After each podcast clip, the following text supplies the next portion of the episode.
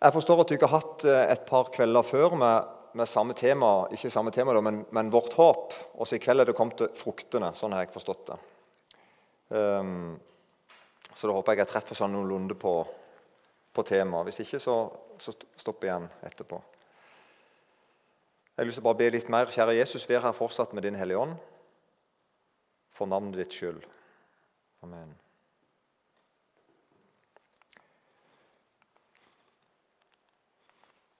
Altså, Håpet for i kveld eh, tenker jeg at, jeg vil, at, vi skal oppleve at du kan oppleve at, eh, at du kan oppleve frukter. At du kan se at det er konsekvenser av livet ditt med Gud. Det er liksom det jeg håper kan skje i kveld. At du, at du møter noe i kveld. At du ser noe. Og Da tenker jeg litt på hva er egentlig håp. Og Da har jeg delt i tre-fire. For det, at, uh, det, er noen ting som, det er noen ting som jeg eier. Um, som jeg har i lomma eller i garasjen eller i huset. Er det ikke meg? Jeg, jeg, jeg ville ta bilde av én ting. Da valgte jeg denne. Det er da mitt, min, mitt brillefutteral som ligger på kjøkkenbordet. Det er en ting som jeg eier. sant? Den har jeg i huset, som regel. Ikke blant folk. Og så er det andre ting som jeg har, som jeg ikke eier. Som f.eks. helse eller kone eller unger eller venner eller livet. Jeg kan ikke si at jeg eier dem. Det gjør jeg ikke, men jeg har de. Fine folk. Og så er det andre ting jeg har bare i håpet med liten H. Den er veldig liten H. Ser ikke det? Um, og Det er f.eks. Um, er eksempel, uh, bakkerekord i hoppbakken på Nøkkeland. Nøkkeland er med som en, en gren i eiken. Så Nå snakker, nå snakker vi veldig sånn, detaljer her. da. Og Der er nå Torkel han har bygd, hus i, midt på kullen. Så den hoppbakken fins ikke mer. Men da jeg var liten, så reiste vi da 5-6 km opp og så hadde vi skikkelig hoppski. Det var et, var et skikkelig bygd hopp altså i tre. Og sånn. Og der hoppet vi på ski. og Jeg hadde jo en drøm om å ha bakkerekord. Jeg fikk aldri det. Det ble med det. Og nå er jo bakken reven òg, da. Er du med? Så det ble bare med et håp med en liten H. Det ble bare som en drøm, en fantasi, et ønske. ikke vel? Jeg så for meg hvordan jeg skulle sveve nedover der, og jeg kom sånn 14 meter ned. og Det var det, liksom. Eh, faktisk, eh, jeg, når gikk på folkeskolen, da jeg var 16-17 år, så satt jeg i bussen og snakket med John Terje. Han var fra Lunde i Telemark. Og Vi var ute og kjørte, vi var i Frankrike. faktisk. Vi kjørte forbi en hoppbakke, og så begynte jeg å fortelle han om Nøkkelandsbakken. da. At jeg hadde vært oppe igjen 14-15 meter og fortalt litt om det suget der jeg hoppe 14-15 meter. det står på toppen der, og, at jeg hadde en kompis som hadde hoppa 21 meter. det er bånd i bakken. Og, sånn, og. Han satt og hørte etter og så viser at han hadde hoppa i Holmenkollen. Han kunne godt ha sagt det før, da. Men ok, så det ble aldri sånn veldig bakkerekord der. Um, og så, Eller den fineste fritidsbåten i bygda, har jeg skrevet. Det ble det heller ikke. Det er der fra høsten når jeg og yngste sønnen min henta inn båten for sesongen. Jeg er ikke takegrind, så vi la den egentlig bare oppå taket på bilen. min. så, sant? Noen ting bare blir på en måte med, eh, sånn, som, gir, som, gir, en drøm. ikke sant? Det ble ikke noe. Men vi kan jo håpe, liksom. Kanskje en dag. Den sikreste plassen som du kan plassere eiendelene dine, det er faktisk et sted som heter håpet. Altså Gud er håpets gud. Og Derfor er det sånn at Håpet vi skal snakke om i kveld, og som du ikke har hørt om et par kvelder før, det er på en måte et sted. Det er ikke bare det, ikke bare det du håper på, men det er, det er, et sted å ha det. Er du ikke med? Så det håpet, det, det håpet vi kristne har, det er et sted. Det er et sted. Og så er det mange ting på det stedet. Så det er noe dobbelt eller mer enn dobbelt over det. I Kolosserbrevet 1, 4-6.: For vi har hørt om deres tro på Kristus Jesus og om den kjærligheten dere har til alle de hellige, på grunn av det håpet som ligger ferdig for dere i himmelen. Sånn at folk som hører Jesus til, det blir snakk om dem. Her altså, sier Paulus han har hørt om dem. Han har hørt om troen deres på Jesus, om kjærligheten til de hellige. Hvorfor har de dette? her? Jo, for de har et håp som ligger ferdig i himmelen.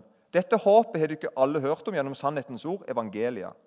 For også til dere er evangeliet kommet, som det er i hele verden, og det bærer frukt og vokser. Så det håpet du har, det er noe som er veldig merkbart. Der, der vi snakker om deg, og det håper du har. Og det vokser og bærer frukter. Sånn er det bare. Og det er altså sånn med Guds løfte, det er håpet vi har. Vi sang den, den siste sangen, at var det et par vers som handler på en måte at ok, kroppen min forfaller, og ok, jeg skal, jeg skal tilsynelatende dø en dag, men samtidig skal jeg ikke det. Så vi har et håp som er veldig sånn vanskelig å, å ta og gripe. Og Derfor er det sånn at når Gud lover noen ting, så er det sånn at vi allerede har det. Det er ikke sånn som når vi lover ting til hverandre. Da kan det være sånn ja, kanskje, kanskje du holder det du lover, kanskje ikke. Når Gud lover en ting, så lærer vi kristne at da har vi det. Så når Gud sier til deg at du har evig liv, så forstår du det sånn at 'jeg har det nå'. Det begynner nå. Jeg, jeg eier det nå. Og Det å sette håpet sitt til Gud, det å håpe på Gud, det å stole på Gud, det beskriver Bibelen som noe sikkert. Det er ikke noe tvilsomt og noe sånn bakkerekordaktig i Nøkkelandsbakken. Det er noe helt, det er noe helt sikkert noe. Du eier det.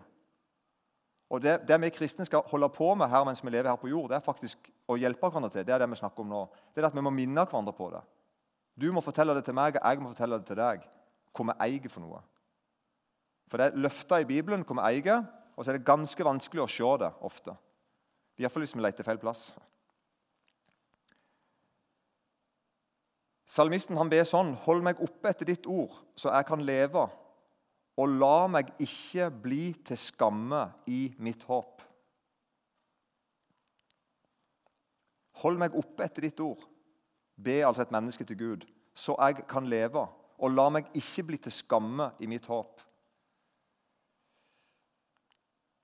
Eh, er Eilert fredelig her? Ja, du er det. Nå skal komme en fortelling om deg. Um, her ser vi tre bilder. Det er en fin montasje som jeg lagde her forleden. Eh, det er alle sammen har det til felles at vi var jeg og han eh, Linkus det er han til venstre, og Eilert han til høyre. bare hvis jeg lurer. Og så er det Bodø lufthavn. Jeg og Eilert vi skulle ha ei helg oppe i Bodø nå i begynnelsen av november. Og Eilert var altså så gira fordi han hadde en sånn en, Hva du kaller det for noe? Medlemskap i sånn Hva heter det for noe? Han var SAS Pluss-medlem. Og Han fortalte til meg at han var SAS Pluss-medlem, så kunne han gå in launch på Gardermoen. for Der skulle vi være to-tre timer og vente på. For Han kom fra Stavanger med fly, jeg kom fra Kjevik, Kristiansand med fly, og så møttes vi i Oslo. og Så skulle vi da kjøre eh, samme fly opp til Bodø. Jeg hadde forresten med meg Linkus på flyet. Eller, ja, Helt forferdelig flaut. Um, jeg bare gikk kledd som han. Jeg kødda. Og så, um, og, så, uh, og så, sier Eilert, da, da, da vi møttes på Gardermoen, at jeg har lov å ta med én fyr utenom meg sjøl. Så du kan bli med meg opp på launchen. Er det sånn du sier det? Launch? Launch. Ja, det er litt kult. Og På Gardermoen har de fått ganske, ganske nye poser der, så jeg, jeg tror til og med den SAS-launchen er ganske ny. Det er ganske sånn, det I annen etasjen litt sånn, der er bare fiffen. Så sa jeg til Eilert drit i det, jeg kom ikke inn. Jeg, jeg vet det. Nei, sier jeg. Du, du kom inn. Nei, sier jeg, jeg, vet det er dritflaut. Jeg kommer til å stå i køen og få høre at jeg ikke kommer inn. Og det, jeg, jeg, hater sånne ting. Det er helt forferdelig flaut. Sant? Men som, hvem er du? Hvorfor trodde du kunne komme her? Så blir sånn der, nei, så sa Eilert nei, så Eilert ble nesten sånn fornærma. Sånn nei, kom igjen, da! Ja vel. Så jeg gikk meg opp da, opp, i, opp til annen og Der var det ganske trøkk i, eh, trøkk i eh, køsystemet. Og det var til og med sånn der, sånn der du, måtte gå, du måtte legge på eh, boardingpasset ditt, og så måtte du gå gjennom sånn en bom. Sånn en jernstang. Nesten som i, i skitrekket. Og selvfølgelig, når vi kommer der, da, så henger Eilert gjennom, og så spør dama hvem er du Og så sier Eilert han er sammen med meg. Nei. Det var ikke sånn det funka. Det var ikke lov å ha med noen der. Så da, da stender jeg der, og så må det som Eilert rope til meg. og Der er vi som 20-30 fint kledde folk rundt dere der, og, jeg, og, det ender med at jeg da må gå ut derifra. Eilert gjorde ikke. Han gikk inn og var der inne. Utrolig dårlig kompis. Men... Eh, Poenget mitt var den der skammelige følelsen av at, sant, at jeg, jeg, jeg, ble med på å tro på en ting. Sant? Er du ikke med? Jeg, et, jeg, begynte å få et håp til noe. Det kan være at jeg slipper inn her. Det kan være, det kan være jeg kan være sammen med gjengen og drikke Red Bull liksom. eller kaffe. Og lese gratis VG og Dagbladet. Det er jo en drøm. Men jeg kunne ikke det. Sånn er det ikke hos Gud. Altså Det er det salmisten her ber. At det håpet jeg setter til deg, Gud, det aldri, må det aldri bli sånn at jeg skal bli til skamme. Han egentlig bare minner salmisten seg selv på det. Det du, det du, finner i Bibelen av løfter til deg, det du finner i Bibelen at du kan sette ditt håp til, det kan, skal vi minne hverandre på at du kommer aldri til å stå flau i køen. Du kommer aldri til å få høre at det, det hjalp hvis ikke deg allikevel. Ikke for ja, Eilert, vi er venner. Så Det gikk helt greit. Så det Gud gjør, altså at han presenterer seg som, som, som en som ikke er som de andre. og Det er et poeng i Bibelen. Når Bibelen skal presentere seg selv, når Bibelen skal presentere Gud, så sier Gud 'jeg er håpets Gud'. Og så da mener han underforstått det er ingen av de andre dere tror på. Avgudene er bare intetheter, tomheter, ingentinger. Mens jeg, jeg er levende, og jeg kan, jeg kan faktisk gi dere håp. Det går an å stole på meg, tro på meg, be til meg, være med meg og til slutt en dag se meg sånn som jeg er. Så Gud er annerledes. Han er håpets Gud. Skiller seg helt ut. Og Alternativet da, er altså Her ser vi alternativene som Bibelen stiller opp. At enten så er, Husk at dere på den tid var uten Kristus, utestengt fra Israels borgerrett og fremmede for paktene med deres løfte. Dere var uten håp og uten Gud i verden. Det er sånn som i Bibelen sier at Hvis ikke du har Kristus, så er du uten håp. Det er vi som alternativene Bibelen stiller opp. Så Enten så har jeg Kristus, og det har jeg håp. Eller så er jeg ikke Kristus, og det er jeg uten håp, både her i verden og i evigheten. Det er alternativene. Og Kontrasten blir da sånn at du som hører Jesus til, du som har Den hellige ånd For det er, det er synonymer. Det å høre Jesus til det er det samme som å ha Den hellige ånd. Du veit egentlig ikke hva det vil si å være håpløs. Selv ikke i den mest håpløse situasjonen som du noen gang er i. Kanskje du er i den akkurat nå. Du er i en situasjon og tenker at dette her er håpløst. Så forteller Bibelen at faktisk, for du som hører Jesus til, så fins det ikke håpløshet i ordets dypeste forstand. Du vet egentlig ikke hvor det er. Selv om jeg kjenner på at jo, jeg, jeg vet litt hvor det går i, jeg, jeg kjenner til mørket, jeg kjenner til vanskeligheter Ja, allikevel, sier Bibelen, det er noen ser du, det er noen andre folk som ikke har Den hellige ånd. De er uten håp, de. Og den som, he, altså den som ikke har Den hellige ånd, som ikke har håp, han vet egentlig ikke hvor ille det er. Og så har jeg skrevet her da, dette står på min regning, Selv i det aller mest håpløse lyder det fra mørket. Det skal bli verre. Så mens en kristen går og tenker det er kanskje ikke så godt akkurat nå, men det går mot seier, det går mot en evighet, det går mot, det går mot bedre dager. ikke sant?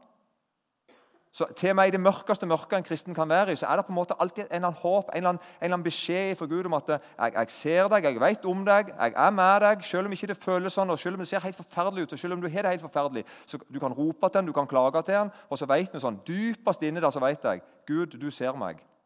Og jeg setter mitt håp til deg. Og jeg vet at jeg ikke skal bli til skamme. Og så er det motsatt for du som ikke hører Jesus til.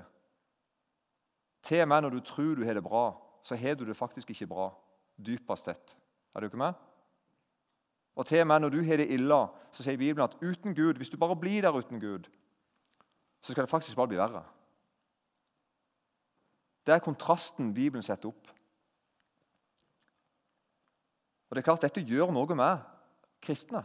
Det gjør noe med deg at du vet dette. Både at du vet din egen situasjon, og det at du vet hvordan det er med de rundt deg som ikke hører Jesus til. Det gjør noe med deg. Så Forskjellen blir jo da på du som hører Jesus til og har håp, og den som ikke hører Jesus til og ikke har håp. Det blir at noen har håp, andre ikke. For å si det litt mer konkret for det, Hva er det liksom, at noen har håp, og noen ikke? Noen har evig liv, og andre ikke.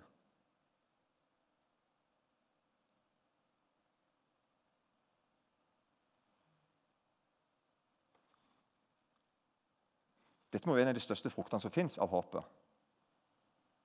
Av det håpet du har, så har du fått evig liv. Alternativet er ikke ingenting. Alternativet er evig død. Du har fått evig liv. En enorm forskjell. Og det er på en måte enormt konkret. Her står det fra 1. Johannes brev 2, 24 og 25. 1. Johannes brev 2, 24. La det som dere har hørt fra begynnelsen, bli i dere. Dersom det dere hørte fra begynnelsen, blir i dere, da skal også dere bli i Sønnen og i Faderen. Og dette er løftet han ga oss, kolon, det evige liv.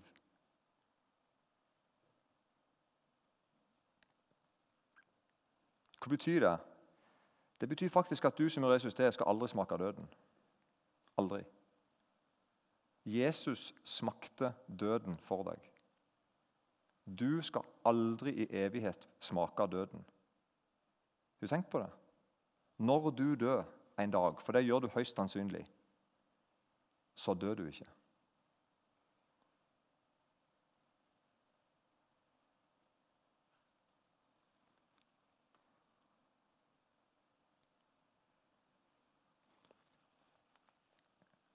Så kan jeg si, men Hva er frukten? nå? på en måte? Og Da kan jeg egentlig spørre motsatt.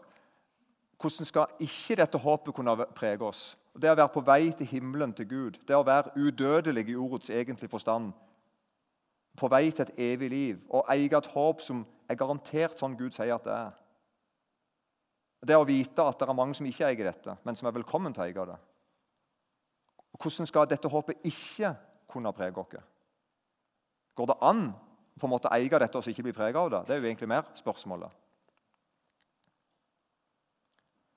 Slik er det også min lengsel og mitt håp at jeg ikke må bli til skamme i noe, men at Kristus nå som alltid må bli æret ved mitt legeme i all frimodighet, enten det skjer ved liv eller ved død.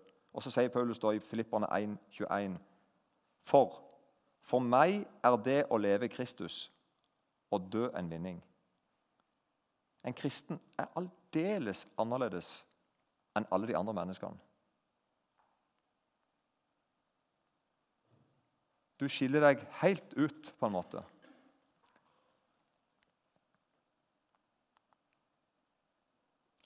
En annen plass I Romerbrevet 5, så roser, i, kapittel, i verset før, i 5.2, så roser Paulus seg i håp, av, i håp, til Kristus, tror det står. Jeg kunne egentlig tatt med vers 2 òg der. Han sier altså i Romerbrevet 5.2 Vi roser oss av håp om Guds herlighet. Han forteller på en måte at jeg roser meg av håp om Guds herlighet. Og så fortsetter han.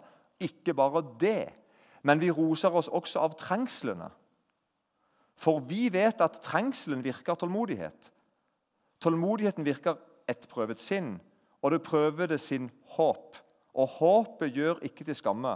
For Guds kjærlighet er utøst i våre hjerter ved Den hellige ånd, som er oss gitt. For mens vi ennå var skrøpelige, døde Kristus til fastsatt tid for ugudelige. Og Her er det en rekkefølge jeg vil ha dere med på. Her ser vi at det er, faktisk er det sånn at håpet er en frukt av noe, som igjen fører til frukter. Det, altså, det begynner altså med trengselet. Du kommer ut i trengselet, og da virker det tålmodighet. Og Så går det for tålmodigheten. Den virker et prøve av sinn, og det prøvede sinnet, det virker håp. Og håpet, det gjør ikke til skamme. Sånn blir det altså. Trengsel, tålmodighet, prøve sin håp. Og Det jeg vil helse til dere spesielt i kveld, er dette, det er dette her. Ikke skygg unna trengsel. Ikke flykt ifra lidelse og vanskeligheter som Gud vil ha deg med inn i. Ikke hør på noen som lærer deg at det hører Jesus til, er å alltid slippe unna alt som er vanskelig. Her er det en utrolig uh, viktig rekke i Bibelen. Det er noe som skjer når en kristen opplever trengsel. Du lærer tålmodighet, du får et prøve av sinn, og du begynner å få et håp. Håpet begynner å bli viktig for deg. Det, det, begynner å bli interessant for deg å sette på en måte hvile i noen håp. For du eier det ikke her og nå. Så det blir sånn altså at Du som hører Jesus til, du kommer inn i situasjoner du ikke kontrollerer. og Det vil jeg anbefale deg av hele hjertet mitt. La, la, det skje. La det skje at du kommer inn i situasjoner du ikke kontrollerer, der ikke du er herre lenger. Og så opplever du at nå må du begynne å vente på Herren. Sånn tålmodighet. Og så begynner du å gjøre deg erfaringer. Du får et prøve av sinn. Du begynner å gjøre deg erfaringer. Det er ikke lenger bare prat når du snakker om at du har et håp i himmelen. Det er ikke bare lenger prat når du snakker om at jeg, jeg, kan be til Gud, jeg kan høre Gud til, han trøster meg, han hjelper meg, han ser meg osv. Det er ting du kan begynne å snakke om at 'jeg har erfart det'. Jeg har opplevd det, jeg har kjent på det.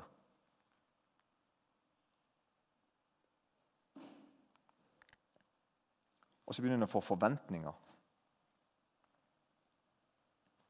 Derfor er det ofte i tider at det, det, går ofte, det her går sånn Tiende på en måte skifter. Sånn er det jo bare. Det er mye fint med det. Og I noen tider så synger de kristne veldig mye om himmelen. For eksempel. De begynner å synge om det landet de snart skal komme til. Den plassen de snart skal komme til, der det ikke er sånn som her. Er du med?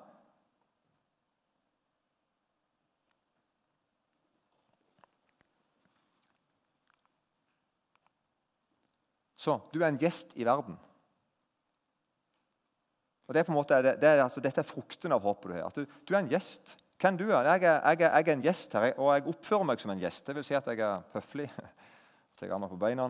Altså, jeg, jeg, er høflig. Det er ikke sånn at jeg, at ikke bryr meg. Men, men jeg, på en måte, jeg er her midlertidig. Jeg rigger meg ikke sånn skikkelig til sånn som de andre gjør. For jeg skal videre. Jeg, skal, jeg hører egentlig til en annen plass. Så jeg blir her for en stund. Kanskje 46 år, kanskje 82 år, kanskje 13 år. Det varierer litt. ikke sant? Men snart skal jeg herifra. Jeg er på vei hjem. Så livet har plutselig fått en mening og et oppdrag. Jeg hører Jesus til. Han har bedt meg om å fortelle om Jesus til deg òg. Og så søker jeg det som er der oppe, mens jeg lever her og nå. Så jeg er ikke på en måte, jeg, jeg stikker ikke av herifra. Jeg er her. Men mens jeg er her, så søker jeg det som er der oppe.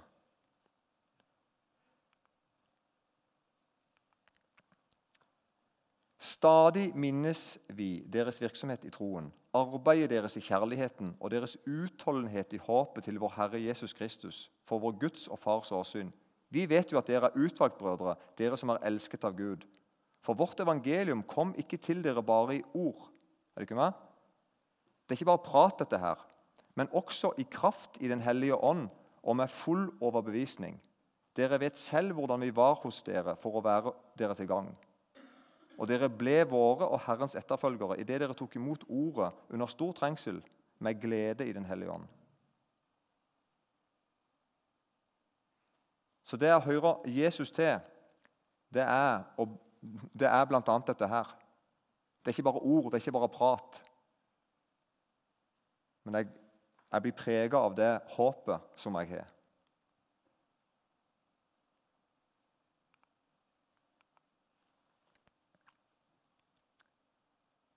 Kjære Jesus, velsigna det jeg har sagt.